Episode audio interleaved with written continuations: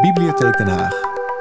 Meer dan 750.000 boeken alleen. We gaan nu verder met eh, de schrijver, de, een Haagse auteur, want hij woont in Den Haag. Kees het Hart over zijn boek Teatro Olimpico. Geef hem een hartelijk applaus. Dag Kees, welkom. Ben je wel eens eerder hier geweest? Je bedoelt als gast? Ja. Nee. Nee, oké. oké. Nou, nog, nog één keer en dan, boekenweek, dan mag je Boekenweek Ja, hè? ja, schrijven. ja, ja, ja. Ja. Gefeliciteerd met de Dankjewel. nominatie voor de Libris. Ja, mooi is dat. Hoe voelt dat? Ja, dat is hartstikke fijn natuurlijk. Ja. Zit ik te zuchten? Ja, ik geloof het wel. Ja, nee, dit is fantastisch. Ik, ik, ik- ik stond op de longlist en, en eh, trouwens ook van de Gouden Uil. En ja, dan, dan mag je een beetje hoop hebben dat je, dat je een ronde Ja. verder komt. Ja. En, eh, maar ik- ja, ik ben wel ervaren wat dat betreft.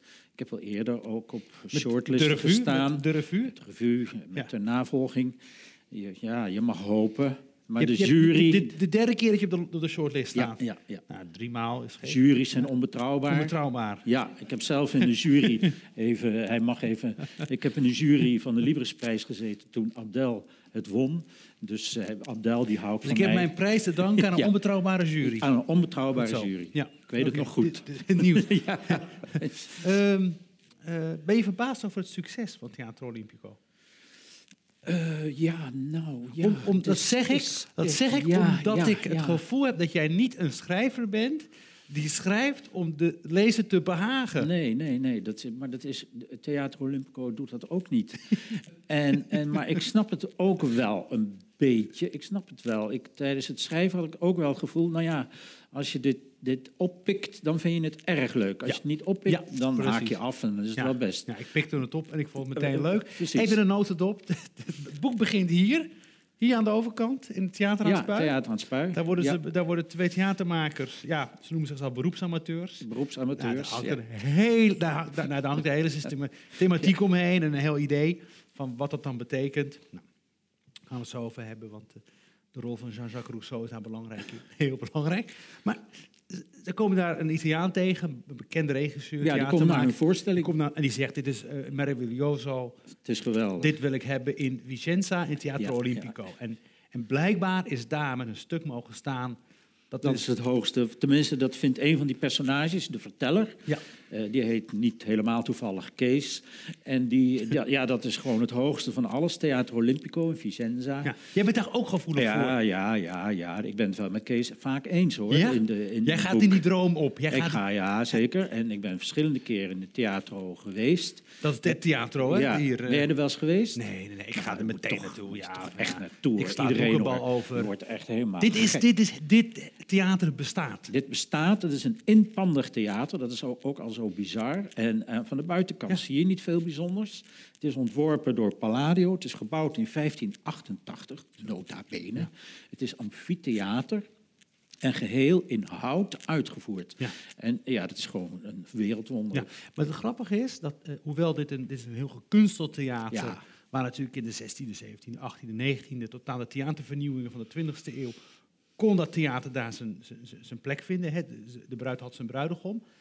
Maar met de nieuwe theatervormen is het een beetje misplaatst. Al helemaal bij dit toneelstuk. Ja, het is totaal misplaatst en er wordt ook eh, eh, in theatro eh, nooit dit soort toneel, wat, wat mijn helden maken. Ja. Dat is namelijk een volslagen op hol geslagen avant-garde toneel. Dat wordt nooit in theater opgevoerd. Daar zijn ehm, eh, eh, eh, muzikale optredens van beroemdheden, Ja. die, die komen er wel, maar niet een avant-garde theaterstuk. Dus zij krijgen wel de kans in het kader van een Jean-Jacques Rousseau festival. Eh, zo gaat het in werkelijkheid ook vaak. Met een stadje organiseert een festival. En dan doen, doen alle theaters mee, dus ook Theater Olympico. En ja, zij willen die kans niet laten lopen. Ja, ja d- die, kans willen ze echt niet laten lopen. Want hoewel eh, die theatermaker en al die mensen erachter een voorschotelt dat er geld gaat vrijkomen via Ja, allerlei schimmige Er komt subsidiepotjes. waarschijnlijk geld. Ja, Ja, ja, maar ze moeten toch alles zelf voorschieten. ja. Hè, de, de, de mo- moeders thuis moeten van tijd tot tijd wat geld overmaken. Ja, de echtgenotes betalen mee. ja. Het gaat niet helemaal goed. Ze dromen wel van een eh, succes en eh, hoe het allemaal moet. Maar ja, er zijn allemaal tijgers en Ja, beren op de ja. weg en die worden Ja. steeds Het, groter. is natuurlijk, het, het zit vol met grappen. En een van de, misschien wel de grootste grap Het is dat ook tragisch hoor. Ja, nee, maar daar kom ik nog op. We gaan zo- huilen. niet alleen Nee, we leuk, gaan- hoor. We gaan zo nog huilen, want, want dat is wel grappig dat je dat zegt. Ik heb halverwege, bij, ik heb halverwege uit ergernis om de naïviteit Ja. van, de, van die twee mannen, van die twee mannetjes, heb ik wel eens gedacht, ik, sla, ik, ik wil eigenlijk helemaal niet verder lezen. Nee, Want ze gaan, het gaat er heel erg slecht aflopen. Zien ze dat dan niet? nee. Maar wil je dat, misschien, wil je dat die lezer dat ook verzucht? Ja, de lezer moet Want wel... eh, nou, Tot ja. wanhoop wordt gedreven? Ja, de lezer wordt tot wanhoop gedreven, maar eh, eh, ik heb geprobeerd om, om toch ook bij de lezer de moed erin te houden. Want er is maar één ding wat telt bij deze twee heren. Het stuk moet Ja. doorgaan. Ja. En er gebeurt wel van alles en het loopt tegen en ze moeten geld betalen en de acteur valt eerst tegen en later weer niet. En er komt een nieuwe regisseur en die praten allemaal Italiaans, wat ze niet verstaan, enzovoort, enzovoort. Eh, Maar wat er ook gebeurt, het moet en zal doorgaan. Heb jij dat ook? Ben jij ook zo gedreven? Of zo blind? Dit- het is misschien merkwaardig, maar dit, dit boek is behoorlijk autobiografisch. ik heb een keer samen met een vriend, Hein heet hij, in, vijf, in, nee, nee, niet in 1588, in 1988 in Leeuwarden een theaterstuk geproduceerd, in eigen beheer, door ons geschreven, door ons eh, verzonnen en bedacht. En het is in de provincie Friesland met behulp van veel subsidie is het opgevoerd. In Leeuwarden, in Drachten en in Heerenveen. En dus, dus in al mijn belevenissen uit 1988, het gedoe, het omgaan met regisseurs, het, het, het werken met geld, hoe kom je aan geld? Wij wisten van niks toen we dat deden. Ik had nog geen niks gepubliceerd. Ik, het- en maar we vroegen subsidies aan voor een, voor een Jean-Jacques Rousseau festival. Dit is echt, ik verzin het niet. en dit is uitgevoerd.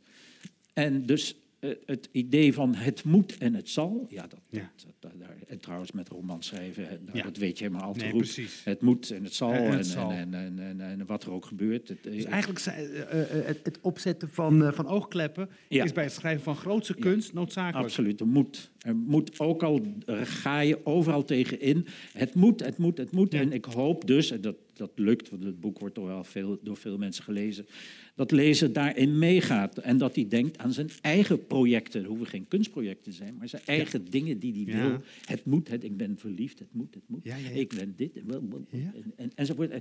En, dat, ja, dat je, als je iets wil, dan, dan, ja, dan moet er veel... En dit, dit zijn wel naïvelingen, daar heb je gelijk in. Maar in hun hart brandt een ambitie die, die, die niet En ze blijven hun eisen volhouden. Hè. Een dramaturgische eis is dat de, Ja. eh, het stuk Rousseau, het, die- titel wordt op een gegeven moment veranderd. De dood, een mor, Ja. morti de, de, die La Rousseau. morte di Rousseau. Zo, hè, de dood van ze Rousseau. totaal Ze- niet ze mee gaan helemaal eens. uit hun plaats. Ze worden Ja. knettergek. Ja. Hartstikke boos. Ja, het is een vreselijke Ja, titel. Want eh, Rousseau is, eh, eh, moet verbeeld worden als bij uitstek de filosoof die geen filosoof wilde zijn. Ja, de, ja, ja. De, de, de, de ideeënman die eigenlijk helemaal geen ideeën had. Yes, dat, dat trouwens. Ja, je zegt dat zo heel erg zo, yes, maar yes. Maar we hebben hem daar trouwens. Oh, hier, ja. Heb natuurlijk je heel er? erg geromantiseerd. Ja, die oude gek. Ja, sorry. Maar het, ja, Rousseau, zij hebben een, een voorstelling van eh, Rousseau. Ze hebben daar beelden van. En dat gaat wel tegen de normale opvattingen over Rousseau in. in. Ja. Maar ze willen een, een, een theaterstuk maken rondom Rousseau... waarin niet zijn grote kracht, maar zijn banaliteit wordt Ja. geschetst. Ja, maar die, en dat is, jij hebt daar een fascinatie voor. Ik heb jou zeven jaar geleden, misschien al hier in het gemeentemuseum in Den Haag, ben jij in, in gesprek gegaan met een volgens mij inmiddels overleden collega van jouw vriend over Jean-Jacques Rousseau, over de bekentenissen van Jean-Jacques Rousseau. Weet je dat nog? Nee, maar wie was dat? Ja, ik, eh, Nou ja. ja. Inmiddels, niet- overleden? Inmiddels overleden? Ja, ik heb het niet gegoogeld helaas. Nee, nou ja. Maar, maar, maar, Maar het, ik heb wel het, het kwam weer naar boven. En, Ja. en toen hadden jullie een heel mooi hartstochtelijk gesprek Ja. over, over dat boek. Ja, over bekentenissen. Ja. Ja, ja, ja. Bekentenissen ligt hier aan ten grondslag aan, deze, aan dit, dit, dit, eh, dit, dit boek. Eh, ik bedoel, eh, ja, Rousseau schreef, het, werd nog niet tijdens zijn leven gepubliceerd, na zijn dood. Ja, bekentenis, en dat was toen, kon het ook tijdens zijn leven niet gepubliceerd worden, want het was, te gek. En, en het is nog steeds, eh, het is verschillende keren prachtig vertaald. Lees het en toen ik het las, lang geleden, 86, vond, was ik, dacht ik, en ik identificeerde me ook met Rousseau, omdat Rousseau een uitermate ambitieuze jongeman was. Maar hij dacht dat hij het op alle gebieden zou kunnen maken. Hij had dus een vorm van ambitie, die ik ook al heb, en, en, en eh, eh, beroepsamateur. Ja. Hij meende, zodra hij eh, gouverneur was van rijke adellijke dames, had hij direct het idee in zijn hoofd dat hij een belangrijk pedagoog zou worden. Hij schreef ook Emile. Ja. Later, toen hij beroemd werd. Maar dat had hij al eerder. En als hij in de tuin werkte, bij, want dat was gewoon een knechtje, hij was een arme jongen. Als hij in de tuin werkte, vond hij zichzelf een gigantisch botanicus. Daar droomde hij al gelijk van.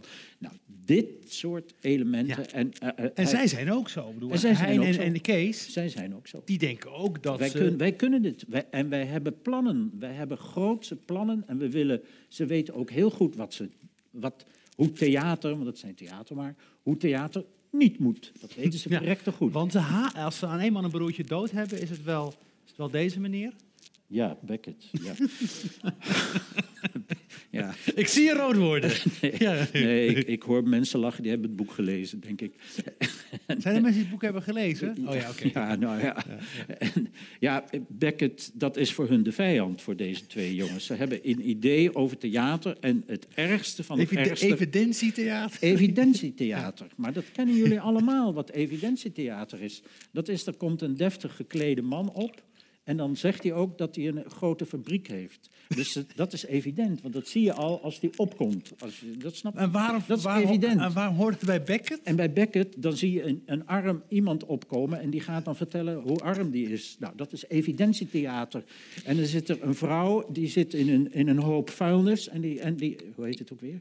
Nou ja, Ja, ja, ja, die, die, die zit in een hoop vuilnis, Winnie, en die gaat dan verklaren dat ze zo'n nare jeugd gehad heeft. Maar dat kunnen we al zien, daar hoef je geen tekst bij te hebben. Overigens ben ik het niet steeds met Kees eens in deze roman, want Beckett bewonder ik zeer. Maar juist degene die ik bewonder, dat doe ik in al mijn werk, Abdel, die moet je ook grijpen. Ja. Die moet je, ja, doodmaken. Die moet je, die moet je weggooien. Ja. Was, wa- en, maar terwijl ik hem ook bewonder. Maar dus het, ze, ze, willen Italiaanse acteurs, willen ze, eh, eh, eh, dat stuk laten spelen. En een criterium om een acteur aan te nemen of een regisseur is, zodra een regisseur of een acteur ooit betrokken is geweest bij een Beckett-voorstelling, ook al was het maar op een middelbare school, dan valt hij gelijk af. Dus ze willen geen, niks met, nou ja, de- Ja. ze slaan natuurlijk door, dat is duidelijk. Want die jongen is niet bleek genoeg, of hij is te Hij bleek. is te bleek, hij heeft te veel ideeën Ja. en het moet ideeënloos zijn. Oh ja, en een belangrijk element is ook, in het stuk gaat het erom dat je ongelijk krijgt. En Beckett wil in zijn oeuvre altijd gelijk krijgen. Namelijk dat de armen onderdrukt zijn. Ja, maar dat wisten we al, toch? En, en, en, en, en deze jongens, die, die, die, ik voel er wel veel voor hoor, voor deze jongens. Die, willen on- die zeggen dat ook regelmatig. Het gaat erom om ongelijk te hebben. En dat proberen ze dan Italiaans te zeggen. En de Italianen die hebben eigen ideeën over theater. En die snappen het niet helemaal. Overigens snappen de jongens hun eigen ding ook niet echt Ja. helemaal. Ze kunnen het niet articuleren. Ze kunnen hun eigen plannen niet goed... Ze kunnen alleen maar zeggen, Beckett is niks. En Rousseau is fantastisch. Dat is, maar, maar, maar verder... Ja, dan- dan- Ja. Een van de leukste, eh, nou ja, het hele boek is een grote gekke roadtrip tussen illusie en desillusie. En, maar die, die scène op de snelweg met die twee dames, waarvan je niet weet hoe ze daar terecht zijn gekomen, waar je volgens mij ook een soort van waas omheen legt. op, de, op de Duitse snelweg. Ja, kan je dat stukje, weer dat stukje Ja, voorlezen? dat is dat stukje, oké? ja. Hier? Met- Ja. Oh ja, ze zitten op een raststätte, want ze vervoeren het decor zelf. Dat hebben ze met een grote vrachtwagen, allemaal problemen, maar goed. Eh, maar op die Duitse raststätten, daar zijn gewoon grote feesten, s'nachts. Dat wisten ze niet, maar dat blijkt zo te zijn. Dat wisten ze niet, trouwens is ook niet zo. Maar goed, we gingen om ongeveer 12 uur naar onze wagen, die vrachtwagen, om te gaan slapen. Om een uur of twee werden we wakker van geschreeuw en van het gedonder van een verschrikkelijke onweersbui die zich boven de raststätten ontlaadde. Twee vrouwen probeerden te midden van de stromende regen, de bliksemflitsen en het donderend gedreun in onze laadbak te klimmen. Vlakbij stonden drie schreeuwende chauffeurs. Ze bedreigden de vrouwen. We wisten ze tot bedaren te brengen. Ze dropen af. Wat er gebeurd was, wisten we niet. Te veel berekend? Afspraken niet nagekomen? De vrouwen bleven de verdere nacht in de laadbak slapen en wij sliepen in de cabine. Tot zover was er weinig aan de hand. Maar de volgende ochtend om zeven uur werden we gewekt door een paar agenten, een man en een jonge vrouw. Een auto stond met draaiend knipperlicht naast onze vrachtwagen. De parkeerplaats was verder vrijwel leeg. De twee vrouwen stonden in de stromende regen naast onze laadbak. Naast hen de vrouwelijke agent, met wie ze druk praten. Ze wezen af en toe naar ons. De agent wilde weten wat de vrouwen in onze laadbak deden en of we ze toestemming hadden gegeven. Reisden ze met ons mee? Waren het onze vrouwen of vriendinnen? Ze wilden onze paspoorten zien. Wat was er precies aan de hand? In ieder geval maakte de agent aanstalten een bekeuring uit te schrijven. Hij had het over justitie en allerlei instanties waarvan wij de ellenlange namen niet goed verstonden. Laat staan dat we begrepen waar ze voor stonden. De reis dreigde nu al in het honderd te vallen. Maar waarom dan? Wat is passiert? Wat hebben we gedaan? Veel beter was mijn Duits niet, dat van Hein evenmin. We begrepen werkelijk niet waarover het ging. We hadden alleen geholpen, dat was alles, zeiden we. Gelukkig bekeek de agent onze vrachtpapieren en rijbewijzen oppervlakkig. Daar ging het blijkbaar niet om. Anders had hij gezien dat ik geen correct rijbewijs heb. Wel bestudeerde hij langdurig onze paspoorten en we moesten onze namen en adressen opgeven. Ah, maar waarom dan? Dat kon en mocht hij ons niet vertellen, begrepen we. Het had iets met de vrouwen te maken die nog steeds in de stromende regen bij de agenten stonden. Wat hadden ze de agenten wijsgemaakt? Ze stonden er bedrukt bij. Nog e- even door. Ja, ja, ja. Alles liep uiteindelijk af met een sisser, al was het op het nippertje. Er kwam via de mobielefoon van de politieauto een bericht door dat blijkbaar bijzonder belangrijk was. Plotseling maakten de twee agenten dat ze wegkwamen. Wie müssen gehen, ze hebben geluk, riepen ze. Daarna riepen ze nog iets wat we niet begrepen. Ze zetten hun sirene aan en maakten zich razendsnel uit de voeten. We konden doorrijden. Maar, was, maar wat was er precies gebeurd? Waarom waren we aangehouden? De twee vrouwen wisten het ook niet, al kregen we het gevoel dat ze ons liever in het ongewisse lieten. Wat hebben ze dan gezegd? Nou ja, niet vieles. We brachten ze naar Strolingen, een stadje niet ver van de snelweg. Onderweg lieten ze niet veel los en onderling spraken ze een onbegrijpelijk dialect. Ik vertel u deze verder onbelangrijke geschiedenis omdat we een paar weken geleden een brief ontvingen van de Deutsche Landesjustiz Köln, Abteilung Sozialgericht, waarin stond dat we niet waren verschenen op de zitting van het Deutsche Justizamt in Köln, zoals eerder was geordoneerd, en dat we de vermelde 1500 euro boete wegens absentie, onaangemeldet, zo snel mogelijk moesten betalen. Zie bijlagen. We wisten niets van een zitting. Ons heeft geen enkele correspondentie bereikt. Op internet vonden we alleen dat binnen deze nieuwe afdeling van het Duitse justitieapparaat zaken rondom uitbuiting van vrouwen en vrouwenhandel werden onderzocht. Dus dat was het. Die twee vrouwen, die de nacht ervoor flink aan het feesten waren geslagen, hadden de agent een verhaal over vrouwenhandel op de mouw gespeld. Ze hadden het slachtoffer uitgehangen en de agenten vast en zeker wijsgemaakt dat wij met een vrachtwagen vol geronselde vrouwen langs de Duitse autobanen trokken, die zich daar in Rastettes onder onze leiding aan illegale prostitutie overgaven. We hebben de boete niet betaald. We hopen erop dat we verder niks zullen horen.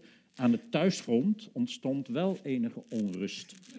Wat was er gebeurd? Wat was dat justitieambt? Maar we wisten onze vriendinnen gerust te stellen. Dank je wel. Ja, Ja, oh jee. ja, ja. ja. en ze komen ook op een gegeven moment op een soort van softporno set terecht. Nou, zeg maar porno. Oh ja, Ja, ja, ja, komt zo. Ze willen ze, eh, al hun geld raakt en ze krijgen een. Ja, een van die spelers de Italiaanse worden toch ook wel min of meer bevriend met de Italianen. En die zegt: Jullie kunnen geld verdienen, 2000 euro de man. Waar gaat het dan om? Nou ja, de theaterstukken ergens in een landhuis. En daar gaan ze dan heen. Ja, en dat blijkt komen ze op een pornofilmset. En daar gaan ze dan ook aan meedoen. Ja.